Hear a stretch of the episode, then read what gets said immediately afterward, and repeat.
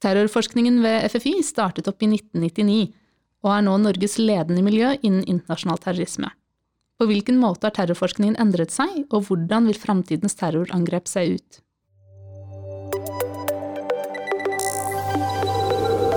Ugradert, en podkast fra Forsvarets forskningsinstitutt. Velkommen til denne episoden av Ugradert. Mitt navn er Katinka Brattberg, og med meg i studio i dag har jeg en av landets fremste terrorforskere, Thomas Hegghaver. Velkommen hit, Thomas. Tusen takk. Aller først så må jeg jo få lov til å gratulere deg, for du har fått ny jobb som forsker ved Universitetet i Oxford. Takk, takk. Eh, Så, og du reiser faktisk veldig snart. Når dette er publisert, så er du allerede i Oxford. Så dette er, noe av det siste du gjør ved FFI. Mhm. Um, Du kom jo hit til FFI første gang som student sommeren 2001. Og det var jo bare noen dager før terrorangrepet 11. september. Hvordan preget det deg og din videre karriere? 11. september kommer jo til å forme hele, hele min karriere og for, så vidt hele mitt liv. Altså, det har påvirka hva jeg har fokusert på, hvor jeg har bodd og, og sånne ting. Da. Så det har hatt veldig stor betydning. Eh, det var jo først, først og fremst fordi at jeg ble veldig interessert. Jeg ble veldig eh, motivert, rett og slett, til å finne ut uh, av hva det her var for noe. Så den, den motivasjonen har jo faktisk vedvart i, i mange, mange år, og jeg er fortsatt like, like interessert i, i, i tematikken. For det her er et stort, uh, stort felt, og, det, og ting endrer seg hele tida, og det er stadig nye, nye spørsmål å ta tak i. Og, og du har jo da nå gode 20 år med erfaring innen terrorismeforskning. Hvilke forandringer har du sett i faget på disse årene? Ja, um, det er jo Det har skjedd en um, hva man skal si, profesjonalisering, på en måte, som er naturlig i og med at folk har holdt på med det her lengre. Og det er kommet flere folk til feltet. Og underveis har alle sammen lært. Sånn at det er naturlig at alle har blitt bedre. Så det, det er jo en mye større litteratur, vi har mye, mye dypere innsikt i ting. Eh, vi sitter på mye mer eh, data og, og, og um, Ja, det, det er på en måte det er på mange måter vanskeligere å hevde seg på feltet i dag enn, det, var, enn det var da, fordi nå er det med større konkurranse og så videre. Så eh, da, altså før 11. september så var jo terrorismestudier et bitte, bitte lite fagfelt. Det var bare et par steder i, i verden egentlig hvor man holdt på med det, og, og på de plassene var det bare en håndfull mennesker. I dag er det jo mange sentre rundt omkring i verden, og, og sikkert eh, mange titalls, eh, ja, sikkert noen hundretalls akademikere som spesialiserer seg på det. Så, så, så, så det er jo det er en helt annen, helt annen situasjon, egentlig. Men det er jo for så vidt naturlig i og med at uh, fenomenet har, har, har, har, har prega verden så mye, da, først med 11. september og USA sitt svar på det, med Afghanistan, Irak osv. Og, og så etter det hele IS-perioden, som jo, som jo en eh, som prega Europa veldig da på 2010-tallet. Ja, og, og når du er inne på dette, hvordan har endringene vært da i, i samfunnet? Altså hvordan har dette endret eh, perspektivet på, på terrorisme? Altså hva slags endring i årvåkenhet i samfunnet er det du har erfart underveis disse 20 årene? Ja, hvis vi snakker om Norge, da, så altså, Jeg tror ikke det har vært noen sånn veldig stor endring, egentlig.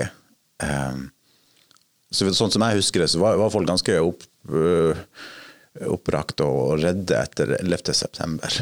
Eh, og eh, det var mye spekulasjoner om hva kom til å skje, og kunne det skje her, og kom det til å bli angrep mot oljeplattformer osv.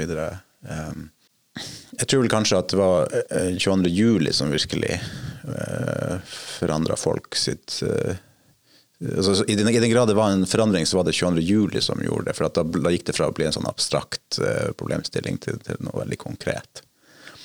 Um, men jeg, jeg tror vel egentlig ikke at, det, at, at, at, at folk eh, eh, folks oppfatning av, av, av, terrorisme, eller folks måte, reaksjonsmønster til terrorisme har endra seg veldig. Jeg, jeg, tror, jeg, tror, det er noe på en måte nesten tidløst med den psykologiske mekanismen knytta til, til, terrorisme, som er at, at, at, at, eh, folk blir som regel mer redde enn de egentlig trenger. De kan bli så redde at de, krever veldig, veldig liksom, viktige eller store tiltak fra sine, sine, politikere. Eller at de kan bli så redde og forundra at de på en måte nesten benekter hele fenomenet og prøver å spille det ned. Altså, det, det, blir veldig mye sånn spill og diskusjoner og, og, gjerne krangling mellom de som er veldig redd for det, og, og de som vil måte, demper det ned osv. Så, videre. så, så, så de der tingene der eh, tror jeg på en måte alltid vil være der, knytta til den type vold. Men det er klart, vi har jo nå vært gjennom 20 år med veldig mye hendelser, og alle har jo lært av det. Alle, vi har alle lært at det er ikke lurt å invadere et helt nytt land, sånn som Irak etter en sånn terrorangrep. Vi har lært at det går antakelig ikke an å vinne en, en, sånn, en, krig i et fjernt land hvor den, den siden vi støtter, er en, et mindretall, sånn som i Afghanistan osv. Og, så og, og, og, vi har lært at, um, at uh, vestlige land er egentlig veldig veldig sterke og har veldig god sikkerhet, til tross for at de på overflaten kan virke veldig sårbare og lett å lett å skade med litt, sånn litt terror, men, men, men, men, det er bare på overflaten. Egentlig så er de veldig, veldig, eh, veldig robuste og, og, og sikre eh, samfunn. En del sånne ting har vi lært som kanskje ikke var åpenbart i starten. Eh, så, så, så, vi har jo på en måte kommet ut av det tror jeg, visere og egentlig med på, mange, på, en, på, på en del måter med litt bedre samfunn. da. Underveis i din forskerkarriere så har du jo vært på veldig mye feltarbeid i Midtøsten. Altså du har besøkt land og regioner som de fleste av oss noen gang kommer til å dra til. Hva er det som har gjort størst inntrykk på deg? Ja, Det er et vanskelig spørsmål, fordi uh, det er gjerne sånn at det som gjør størst inntrykk, er de tingene som skjer i begynnelsen. Når du er helt ny på feltet. Og da er det ikke nødvendigvis Det trenger ikke å være spesielt uvanlige eller spektakulære ting, men det er bare fordi det er så nytt. Så jeg husker jo bare sånn helt i starten, da jeg var student, og så dro ned til eh, Israel, Palestina, Egypt og sånn, og så bare det å se så, så enormt mye våpen, altså at alle bare våpen overalt, Syns det det var, veldig rart og sånn, da. Jeg tror det som har, har gjort mest eh, inntrykk, eller det som jeg har, har hatt stort, størst glede av, tror jeg, det er jo på en måte å å, å, å snakke med og treffe, treffe folk eh, som, har, eh, som, har vært, som, har, vært, aktive i, i sånne jihadistgrupper, som har vært måte, på innsida, og, og men som gjerne har, har, gått gjennom en, en, slags lang reise for å komme seg ut av det. og, og sånn da. Eh, og veldig, flere, mange sånne, sånne sterke historier og skjebner eh, rundt omkring. Det er interessant, for da kommer du på en måte det er både menneskelig interessant, men også akademisk interessant, for du, du kommer da på innsida av, av, av, av, gruppen du studerer der på en helt annen, helt annen måte. Men dette er jo ikke, det er jo ikke mors beste barn du besøker her. Har du noen gang vært redd i, i, under feltarbeid eller i møte med noen av disse menneskene? Altså, jeg har, jeg har, tenkt mye på det, men jeg har faktisk ikke egentlig det. Altså. Uh, og, og, men jeg tror jeg, uh, jeg er litt sånn fatalist på det området. Og jeg har jo vært i, jeg i Jemen og Afghanistan, Nord-Irak og, og, og, i Libya og rundt omkring. Og har sikkert hatt har objektive grunner til å være bekymra både sånn politisk risiko, men også bare tra trafikken. Altså det å gå i trafikken i en del av de her landene er veldig farlig. Men, jeg er sånn eh, anlagt av natur at jeg ikke bekymrer meg så veldig mye over sånne ting. Så så, så, så, det har ikke vært eh, noen utfordring, egentlig, faktisk. Og jeg sier ikke det for å være for å høres tøff ut, for at jeg, jeg, jeg har stor høydeskrekk. Jeg, reiser, jeg tar aldri berg-og-dal-bane. Jeg, jeg tør nesten ikke å stå på slalåmski. Altså, jeg er ikke noe sånn utprega macho-type sånn sett. Så, men, men, akkurat på det her med å være redd når jeg reiser, så det er ikke, det er ikke noe jeg plager med. Disse terrorgruppene som du jo uh, har viet ditt liv til å studere, altså IS, Al Qaida, Boko Haram, Al Shabaab og sånt. Vi, vi hører jo ikke så mye om de til daglig nå lenger, eh, etter en periode med noen år her hvor det var veldig mye, naturlig nok, medieoppslag. Hva, hva er egentlig status for disse gruppene nå? For en del av gruppen så, så, så, har, jo, så har, det jo vært en, en reell eh, svekkelse. Da. Sånn at IS i Syria og Irak f.eks. Er, er jo en skygge av seg sjøl. Um, det, det, det, er fortsatt aktivitet og sånn, og, og, men, men, eh, det er ikke på langt nær på samme nivå som for eh, ja, syv-åtte år siden. For en del andre uh, grupper, sånn som Shabab og, og, en del av de her uh, gruppene på, i Vest-Afrika spesielt, så er de minst like, like, aktive, om ikke mer aktive, enn for fem, seks, sju år siden. Hva er grunnen til at vi ikke hører så mye om de? Ja, det er nok fordi at uh, vi har ikke så mye terror her, hjemme, her hos oss lenger, så da bryr vi oss ikke med det. Og så er det det generelle det at liksom, du skal det skal dø ganske mange i en hendelse i, Afrika for at det kommer på nyhetene i Vesten. Sånn er det bare. Er, det har alltid vært liksom alle, alle, alle, I alle land er det en slags sånn bias med avstand. Da. Altså Ting som er lenger unna, får ikke samme oppmerksomheten som, som det som skjer nært. Da. Men generelt så tror jeg det at, at det får ikke den oppmerksomheten fordi at, altså, Jihadisme får ikke den oppmerksomheten lenger fordi at det skjer ikke så mye av det i Europa og, og, og Nord-Amerika. Men det er i høyeste grad en, en, en problemstilling i, særlig i Vest-Afrika og Øst-Afrika. Og eh, i Afghanistan og i, i, i, deler av sentrale Midtøsten. Så man kan få, kanskje få inntrykk av at, eh, at, det er helt borte, men det, det er det altså ikke. Eh, men det, det, er klart, jeg tror også en, en annen faktor er at folk ble sett blitt litt leie. Altså, det er så mange år med kontinuerlig Eh, rapportering i, i, i, media og stadige hendelser, så, så, så folk rett og slett fått, fått, fått nok, tror jeg. er, er, grunnen til at det ikke er noen særlig angrep der i Europa, er det, eller skyldes det at vi er blitt flinkere til å avverge og, og si, oppdage mulige angrep før det skjer, eller er det deres evne til å gjennomføre angrep som er svekket? Det er det første. Det er det at, eh, at eh, det kom et vi har fått så gode mottiltak på plass. Og, og da primært i form av etterretningstjenester og sikkerhetstjenester som, som har kapasiteter og, og, og hjemler til, til, til, å fange opp ting i større grad enn, før. Uh, så, så det her henger jo sammen med det jeg var inne på innledningsvis, med at alle har lært. Og det er ingen som har lært så mye antakelig som etterretningstjenestene om det her fenomenet. De har liksom akkumulert ikke bare data på, hele, på alle nettverkene og sånn. Men, men de, de, altså alle analytikerne, alle, alle, de involverte, har blitt eh, bedre har, av å ha jobba med temaet i mange år. Så, så I tillegg har, fått, har, det jo skjedd teknologiske utviklinger eh, som hjelper stater mer enn ikke-statlige aktører. Så vi har fått en situasjon hvor det er blitt eh, fryktelig vanskelig å være terrorist i, i, i Vesten. For det, altså det, altså Våre samfunn er så gjennomdigitalisert. Du, kan, du, får nesten ikke gjort noen ting uten, eh, uten, uten, å etterlate deg digitale spor.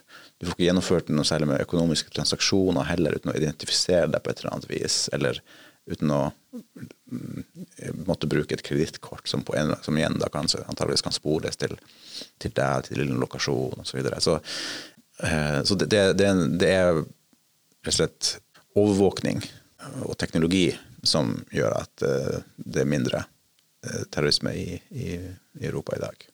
Og da kommer vi jo inn på en si, ganske velkjent debatt etter hvert, dette med grensen mellom nettopp overvåkning og, og beskyttelse, personvern og, og slikt. Har du noen, gjort deg noen tanker om det som forsker på dette feltet?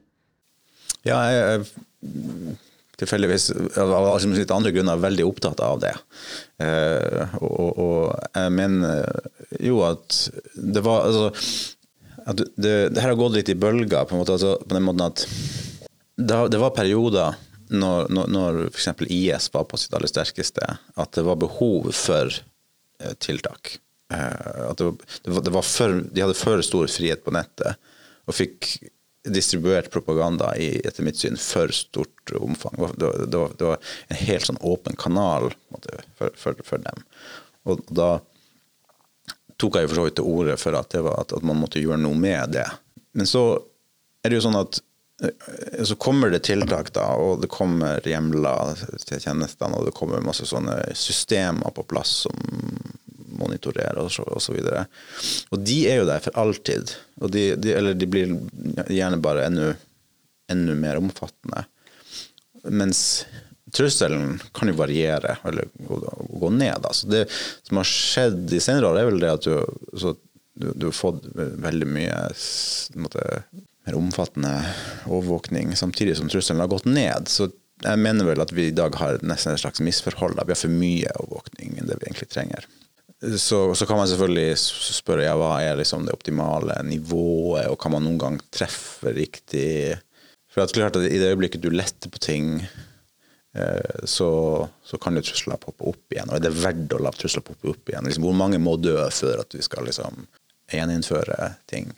Det er fryktelig vanskelig. Men jeg bare konstaterer det at vi har eh, veldig store og kraftige systemer på plass for en trussel som i dag er ganske moderat. Og gjennom de årene du da har forsket på dette, så forstår jeg på deg at det har endret seg veldig. Og vi øh, tipper da altså at forskningen har jo vel gått litt i bølger for hva man har fokusert på, øh, fra rekruttering til fremmedkrigere osv. Hva, hva er liksom de største forskningsspørsmålene i, innen dette fagfeltet nå for tiden? Hva er det forskerne klør seg i hodet over og vil, vil finne ut, eller hva, hva er det der gjevest å studere? jeg har inntrykk av at vi nå er litt sånn limbo. At det er ingen faktisk, ingen sånn veldig store spørsmål som, som peker seg ut, nettopp fordi at uh, de tidligere store måtte, fenomenene og truslene har, har, har uh, avtatt. Sånn at for, hadde, man, hadde, du spurt meg det her for fem-seks år siden, så hadde jeg svart vel det, det, det å finne ut om hva, hva handler IS om, hvorfor, hvorfor oppsto IS, og hvorfor er det så mange som blir tiltrukket av det når du spurte meg for 15 år siden, så hadde det vært ja, det store spørsmålet jeg liksom forstå liksom, hva er Al Qaidas ideologi osv. Så sånn. Men de, i og med at de eh, truslene er, redu, er redusert, da, så, og, og, at vi har besvart mange av de spørsmålene, eh, og i og med at det ikke er noen andre store eh, måtte, trusler av samme omfang for øyeblikket, så, så, så gjør det noe, rett og slett noe med eh, sånn energien på, på feltet, da, vil jeg si. Eh, det er klart at Vi har jo også hatt underveis et fokus på høyreekstremisme etter 22.07. og de andre angrepene etter det.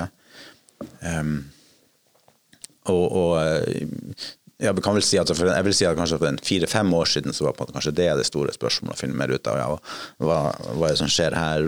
Eh, hvor stor denne trusselen? Hva består? Hva er liksom, høyreekstremisme i dag? Liksom. Men jeg tror at vi også der begynner å ha fått kartlagt en, en god del, altså i den, i den, grad det går an, da. Eh, så jeg vil påstå at vi er litt sånn i en sånn, i sånn limbo. Eh, men jeg tror at vi litt, altså litt av problemet liksom at vi har identifisert mange av spørsmålene som er viktige. Som det, det, er ikke alt som er besvart. Og vi, og vi har for så vidt en idé om hvordan det kan besvares, men det er datatilgang som hindrer eh, oss. Sånn at altså primært altså personvern knytt, altså data på individnivå. Sånn vi, det er mange av de spørsmålene som politikere og befolkningen De som man aller mest vil ha svar på, det er jo liksom hvorfor blir folk terrorister? Altså det, det, er et grunnleggende spørsmål. og de, de, spørsmålene går det rett og slett ikke an å besvare uten å ha detaljerte persondata på eh, en solid, eh, et solid utsnitt av, av liksom terrorister og på en kontrollgruppe. Og De dataene får man rett og slett ikke bruke. Eh, så, så det sterke personvernet beskytter rett og slett forskningsobjektene? Ja, ja. Og, og, sånn må det kanskje være. Men det fører også til at, at, det er en god del sentrale spørsmål som man aldri får besvart. Sånn at det vi gjør i stedet i forskningen, det er på en måte en sånn, sånn dans rundt de her store eh, hindringen, da, og prøve liksom, å lirke ut noen innsikter fra litt mer anekdotiske data, eller fra liksom, dårlige data. Eh, og prøve å, ja, prøve å må, male et slags bilde med, med, med, med det, det, vi har tilgjengelig. Da.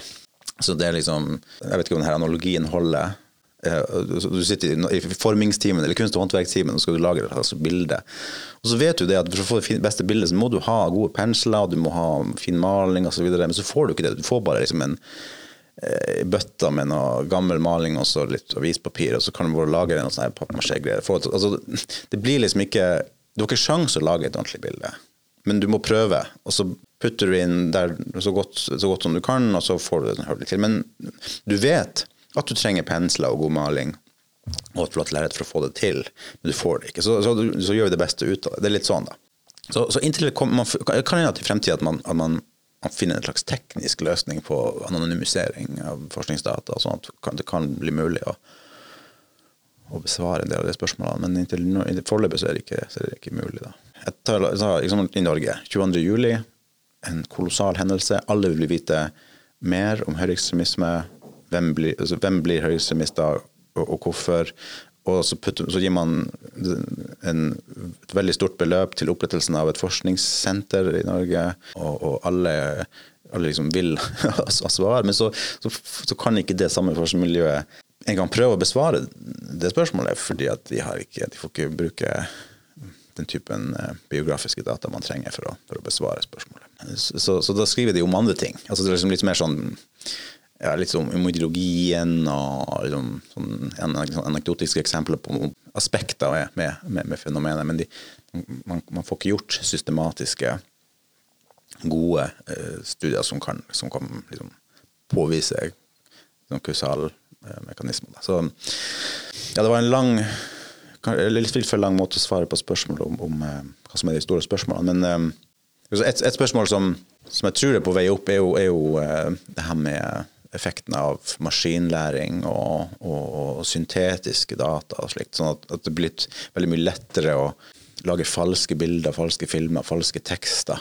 Altså du, du, du kan få en maskinlæringsmodell til å, til å, lage ting som tidligere bare mennesker kunne lage. Og det betyr at du kan forfalske ting mye lettere, og du kan lage ting i mye større kvanta enn før. Så at du, en, man kan tenke seg en, en kompetent en jihadistgruppe om to-tre år vil kunne altså generere kolossale mengder med propaganda eh, som er like overbevisende og like på en måte, menneskelig som noe av det man har produsert tidligere. da, men, men, bare ved å trykke på en knapp. Og hva det vil gjøre med, med informasjonsbildet, er et stort spørsmål. Eh, og i det hele tatt spørsmålet om hva, i hvilken grad sånne grupper vil kunne nyttiggjøre seg de mange teknologiske eh, gjennombruddene som vi nå ser.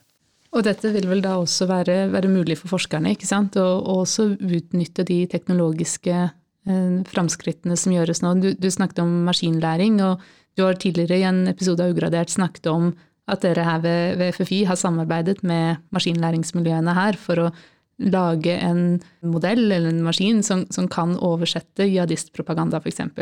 Hvordan, eh, hvordan står det til med det prosjektet? Jo, øh, fint. Vi, vi, har fått lovende resultater og skal fortsette litt til. Um, så vi ser det at det, det, det går uh, Det er innenfor rekkevidde å få, få ganske gode uh, automatiserte oversettelser av, uh, av, av arabisk jihadistpropaganda. Og hvordan vil det hjelpe dere i, i forskningen da? Ja, Det vil jo gjøre det mulig også å, å analysere f.eks. Eh, jihadistideologiens utvikling. Altså Når det kommer nye tekster og videoer og her fra dagens og fremtidens jihadistgrupper, så vil vi mye raskere kunne konstatere hvor, hvordan altså, Er det noe nytt i, den, i dette budskapet? Er det noen nye fiender som peker seg ut? Er det en annen tone i i teksten som antyder at de er opptatt av noen andre ting, f.eks. Er moralen høy, er moralen lav? Sånne ting kan man, kan man, finne ut av mye raskere. Men før så var jo studier på en måte, ideologi typisk noe man jo måtte gjøre måte, manuelt. da. Man var jo i stor grad prisgitt eh, forskerens eh, liksom subjektive Altså forskerens tolkninger, for, for, for, forskerens personlige eh, vurdering da, av, av, teksten. Og jeg vil jo for så vidt påstå at mye av den forskning, tidligere forskning på ideologi ikke er repliserbar av, samme grunn.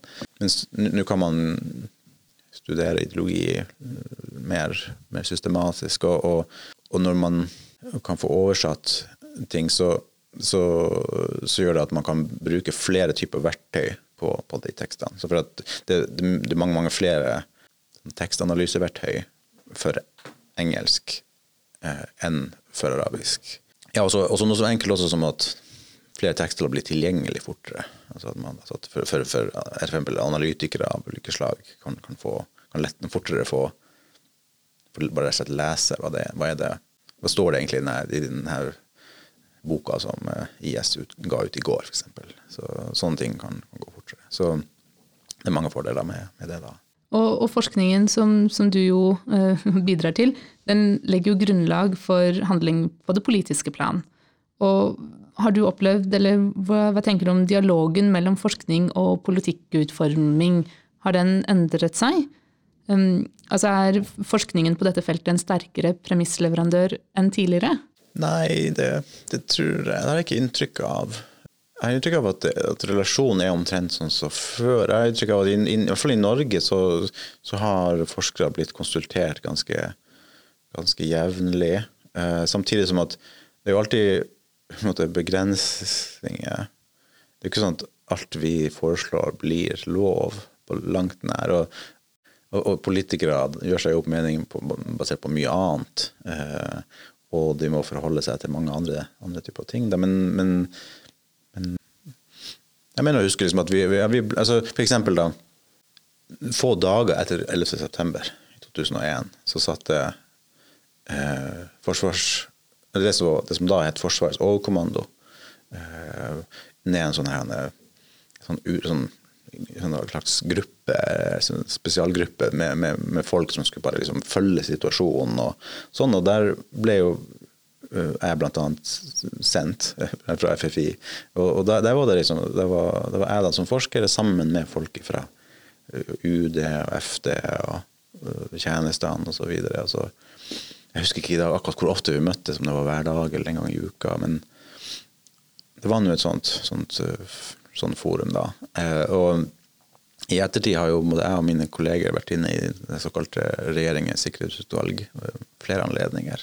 Sånn at, og, og, og, og jeg tror også at publikasjonene våre har, har, vært brukt i utredningssammenheng. Sånn. sånn at uh, i, i, Norge så, så, er jo stort sett det meste av sånn politikk og lovutforming kunnskapsbasert, og, forskere er en viktig, viktig premissleverandør. Så, så, men jeg har ikke inntrykk av at, at, at i noe i større grad enn en før. Jeg tror ikke vel at om noe så er det en, kanskje i mindre grad enn før. For at uh, Kanskje ikke så mye på, politikk, på, på, på, terrorismefeltet, men på en del andre felt så har jo lobby, lobbyvirksomhet blitt viktigere. Altså Lobbyer er blitt sterkere. Altså, de er blitt bedre organiserte, bedre finansiert osv. Så sånn og da, da kommer kanskje forskere helt til kort eh, i, i, i forhold til til de, sånne krefter. da. Nå har vi ikke hatt akkurat en sånn problemstilling på terrorismefeltet, men um, men altså, generelt så tror jeg at det er omtrent sånn som før. da.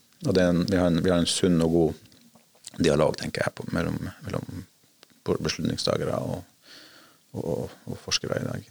Nå, nå, har du vært litt inne på det tidligere, men er det i det hele tatt mulig å si noe om hvordan islamistiske terrorangrep vil kunne se ut i framtiden?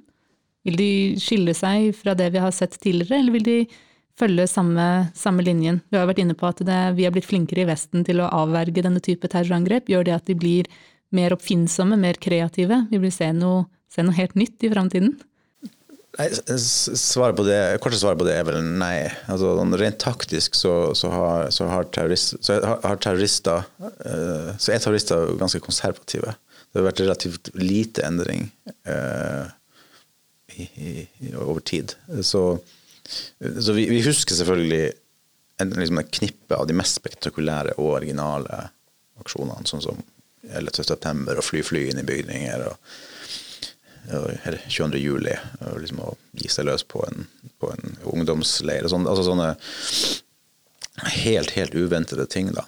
Eh, men det er jo Eh, ekstreme unntak. Eh, og, og um, eh, det er ikke veldig stor forskjell på terrorismen på altså i Europa under anarkistperioden sånn på 1890-tallet og til 1900-tall, og, og, og, og, taktikkene i, i dag, altså 120-30 år senere. Det, det, er kniver og det er bomber og, slikt. da. og men eh, sånn, sånn, sånn, sånn, taktisk så så, så, så, så altså, Man kan selvfølgelig spørre seg om det er noe i dagens teknologi som kan uh, påvirke Jo, så, det er jo for så vidt det, altså, f.eks. det her med droner. da. Det er naturlig, nærliggende å tenke at droner kan bli, kan bli brukt. Og vi har sett noen, noen, noen antydninger til det mange plott som involverer droner, f.eks. Og, og droner har vi brukt på slagmarken i Syria og Irak av IS, bl.a.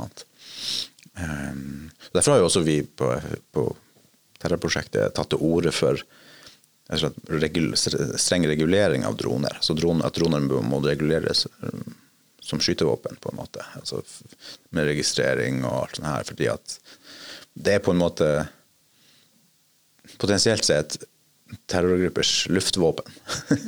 Mm. kan, den, liksom, når det kommer den dagen at de blir såpass gode at kan, liksom, lett, veldig, man kan lett plassere en bombe på den, for så, så har man ikke lenger behov for å plassere bombe under en bil eller på et sted. For hvorfor skal du det når du kan bare mm, levere den med en drone? Mye, mye bedre. Sånn at uh, der ligger det et potensial da, for innovasjon og liksom, taktisk forbedring. Men, men eh, sånne, sånne potensialer kan man jo se på flere andre områder. Men, men, det er ikke alltid gitt at det blir en trend, fordi eh, eh, ofte finnes det mottiltak man kan, man kan ta. Sånn at Hvis vi i dag treffer de mottiltakene, begynner å liksom kreve registrering av droner og slikt, og, og, få gode jammesystemer på plass, og sånn, så, så kan det at det ikke til skje. Altså, det peker egentlig mot en sånn veldig, veldig fundamental mekanisme i terrorismens verden, som er det her med at, er det her at uh, det vi ser av terrorisme, det er egentlig bare ut, det er utfallet av et sånt strategisk spill mellom angrep og forsvar. Mellom terrorister som prøver å angripe, angripe og, og politi og etterretning som prøver å, å, å stoppe. Eh, og og begge sider i denne konflikten har sine fordeler. Så terroristen har fordelen med, med overraskelsesmomentet og sånn, og det at de kan liksom, skjule seg i en bredere befolkning. Når de er en liten gruppe, så er det vanskelig å finne ut hvor de er, hvem de er og sånn her. Mens staten på sin side har ressursovertaket. De, de, de, har politistyrker, de kontrollerer telefonlinjene, alt mulig sånn. Og så er det en sånn da, katt og mus-lek mellom de. Og, og, og, selvfølgelig, hvis det ikke fantes noe politi og etterretning, og, og angriperne kunne velge sjøl hvordan angriperne skulle se ut, ja, selvfølgelig, da ville jo ting sett helt annerledes ut. Da vi hadde mange flere, for eksempel, da ville vi ha sett mange flere flykapringer og bomber på fly på, under IS-perioden. Hvorfor så vi ikke det? når de, Vi vet at IS ville drepe så mange som mulig, men det var ingen nesten ingen sånne angrep mot fly. Hvorfor det? Jo, for det er fordi at man 20 år tidligere hadde et problem med flykapring og bomber. Så satt man, da fikk man mottiltak på plass som gjør det nesten umulig. Eh, og sånn, sånn at eh, eh, Man kan aldri gå ut ifra at det er, at det er terroristenes eget ønske som bestemmer hva slags terrorisme du får, hva slags angrep du får. Hva vi får av, av gjennomførte angrep, det er bare slags, det er liksom resultat av, en, av, en, av det her, av det her spillet da, mellom angrep og forsvar. Det er bare noe de klarer å få til, noe de får gjennom. for at de må, de må forbi alle sikkerhetstiltak, og legge masse begrensninger. Så hver gang noen sier ja, her, ligger, liksom, her er ny teknologi, det kan bli kjempefarlig hvis terroristene bruker det Vel, i det øyeblikket du har sagt det, så har også politiet fått det med seg, og de har kanskje begynt å jobbe med mottiltak. Og hvis de gjør en god jobb, ja, da kommer det scenarioet aldri til å spille seg ut. Sånn at så det her er jo altså, derfor man har er jo knyttet til liksom, begrepet spillteori altså i samfunnsfagene generelt. Altså, og, Og terrorisme er et, et, av de, et, av de, feltene hvor vi ser det veldig, veldig tydelig. Da. Når jeg tenker etter, så, så, er kanskje det en av de store lærdommene etter liksom, på, på, forskningsfeltet med, med terrorismestudier. Altså at man, tror at Tidligere så, så, så hadde man en tendens til å fokusere mye på aktøren, og hva aktøren kunne gjøre eller ville gjøre. Man tok ikke i like, like stor grad hensyn til hva skjer i interaksjon mellom angrep og forsvar. Hva, hva, hvordan påvirker våre mottiltak eh, atferden til angriperne? Eh, og, og, og, og, hva er det da, hva, er, det liksom, hva er realistisk å forvente av, av angrep, gitt at vi faktisk også har mottiltak å sette inn? Mm, spennende. Um, ifølge en studie gjort av en fransk tenketank som jeg fant, så har det vært over 48 000 islamistiske terrorangrep på verdensbasis siden 1979. Over 200 000 mennesker har mistet livet. Og du, jo, altså du jobber jo daglig over ganske mange år nå med å forske på grusomme handlinger, rett og slett. Hva slags tanker gjør du deg om terror som forskningsobjekt? Som har det preget deg, alle disse studiene som du har gjort, menneskene du har pratet med, det å leve i denne, altså, denne virkeligheten hele tiden gjennom arbeidsdagen? Det er vanskelig å si. Altså Nei, jeg, jeg, vet ikke. Jeg vet jo ikke helt hvordan eh, livet hadde sett ut hvis jeg ikke hadde holdt på med det, med det her. Men det er klart at eh, på samme måte som en ambulansesjåfør blir liksom vant til å se skada folk, så er jeg også blitt vant til at det smeller. og er vant til å se halshuggingsvideoer og slikt. Så jeg, liksom, jeg liksom blitt øh, Jeg blir ikke måtte, berørt av ting på samme måte som jeg ble innledningsvis, eller, eller, andre kanskje blir, blir da, hvis, hvis, de ser det. Men så bortsett fra det, så, så, vet jeg ikke eh, om, jeg har blitt en annen person av å studere terrorisme. Det er et godt spørsmål. Um, Nei, Blitt en mer overbeskyttende far, eller? Engstelig for eh, barn på reise på egen hånd, eller på konserter, eller om noe så tror jeg nok at jeg er blitt mer eh, pragmatisk. Altså jeg tror kanskje at jeg, at jeg, er mindre eh, redd for sånne ting. For, liksom sånn at jeg, jeg, liksom, jeg, spør meg aldri er, det, er, det, er det farlig å reise til, liksom, til Syden nå. Fordi det skjedde noe Det var et IS-angrep for to uker siden.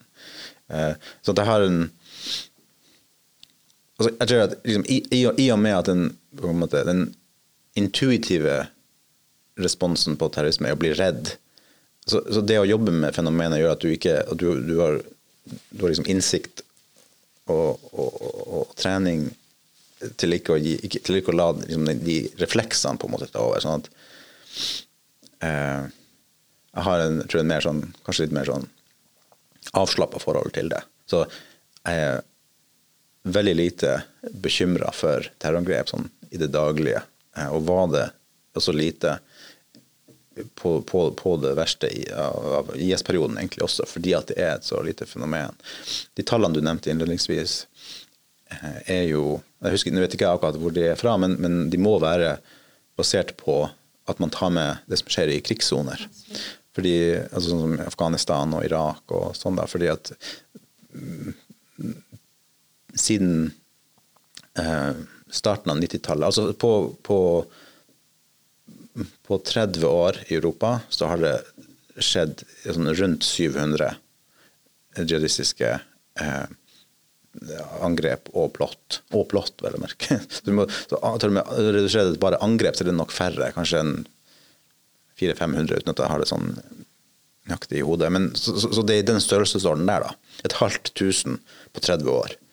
Så så, det er et og det er, en, det er, på et helt kontinent med 300 millioner mennesker. Så, det er et forsvinnende lite fenomen sånn risikomessig for, for enkeltpersoner. Og, derfor så er jeg kanskje litt mindre bekymra enn en gjennomsnittsborgeren, da. Mm. som nevnt uh, innledningsvis, så skal du jo begynne ved universitetet i Oxford og du skal jobbe ved All Souls College. Og det å begynne der, det omtales altså som en av Englands ypperste akademiske utmerkelser. Hva, hva er det du skal gjøre der? Jeg skal forske. Nå har du akkurat sagt at forskningsfeltet står litt stille og sånn, så da må du nesten utdype hva, hva er det du skal gjøre der? Ja, nei, altså um, Jeg skal forske, men, men uh, kanskje ikke like mye på, på terrorisme som sådan uh, så, så, som før. Jeg har jo egentlig hele, hele veien gjort mer enn på å studere bare terrorisme. Uh, så, og, og, um, og, de av oss som jobber med, terrorisme, har jo gjerne forskningsagendaer som går over i andre, andre fagfelter. Så um, jeg har jo blant annet um, alltid vært opptatt av uh, måte, Midtøsten og Midtøsten-politikk og måte, islamismens historie og sånn i Midtøsten. Og har også vært i, nyere, i de senere år blitt opptatt av eh, digitale metoder og programmatiske metoder i forskning, da, i, i, humanistisk forskning. Så det som jeg har tenkt å, det som jeg, det som jeg skal gjøre fremover, er å, å applisere mer sånne digitale metoder på historisk forskning. Så mer, sånn, mer konkret så skal jeg se, jeg skal se på opprørsgrupper bakover i tid. Så gjennom 19, hele 1900-tallet.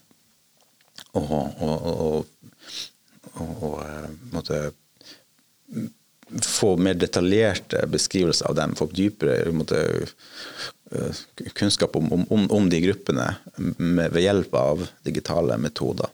Så for eksempel så har det jo vært mange eh, opprørsgrupper rundt omkring i, i, i Midtøsten opp gjennom 1900-tallet.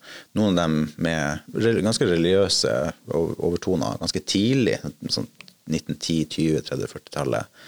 Så jeg er interessert i å finne ut f.eks. Eh, ja, hva, hva mente de her gruppene egentlig? Eh, hva, hvordan var deres ideologi sammenligna med ideologien til jihadistgrupper eh, i dag, eller i, i, i 80 år senere. Um, og det er mye lettere å gjøre i dag fordi vi har, vi, har teknologier som sånne, automatisk karaktergjenkjenning, som OCR, Optical Character Recognition. Du kan ta bilder av manuskripter og tekster, gamle tekster, trekke ut teksten og, og, å, få, å få, tekst som du kan manipulere der, og analysere på, på, en datamaskin. Sånn at eh, jeg tror at det ligger stort potensial i å gå tilbake til en del eh, på en måte, ja, tilbakelagte kapitler i historien og se, på, se på dem på nytt og få et bedre bilde for å ja, få litt dypere forståelse av historiske, historiske trender. Da. Jeg kommer nok til å jobbe litt mindre med type liksom, hva skjer akkurat nå? Hva, hva, hva, hva, har IS gjort de siste, den siste måneden? Og, og, mer sånn historisk, da. Mm, spennende. Du skal jo fortsatt være tilknyttet FFI lite grann i hvert fall, så kanskje vi får anledning til å høre, høre mer om dette senere. Så helt på tampen, hva er det du vil savne mest ved å være ved FFI? Ja, det er jo folkene og miljøet. Eh, og, og eh, liksom det, den, den, den eh, korpsånden på en måte, som man har på FFI og egentlig i Forsvaret generelt, tenker jeg. Det, det er noe som jeg har, jeg har, satt stor pris på underveis, og som er grunnen til at jeg har vært her så lenge. Så når man går over til universitetsakademia, så er det litt mindre korpsånd, tror jeg. Altså Man er litt sånn mer på egen hånd en viss grad. og, og um, så det blir en, blir en, blir en overgang. Men så er, så er jeg veldig glad for å, for å kunne fortsette å ha, å ha kontakt. Tusen takk for at du tok deg tid til å komme hit, Thomas, og masse lykke til i Oxford. Tusen takk. Og hvis du som lytter har lyst til å lære mer om terrorismeforskningen ved FFI, så finner du mye mer informasjon på ffi.no.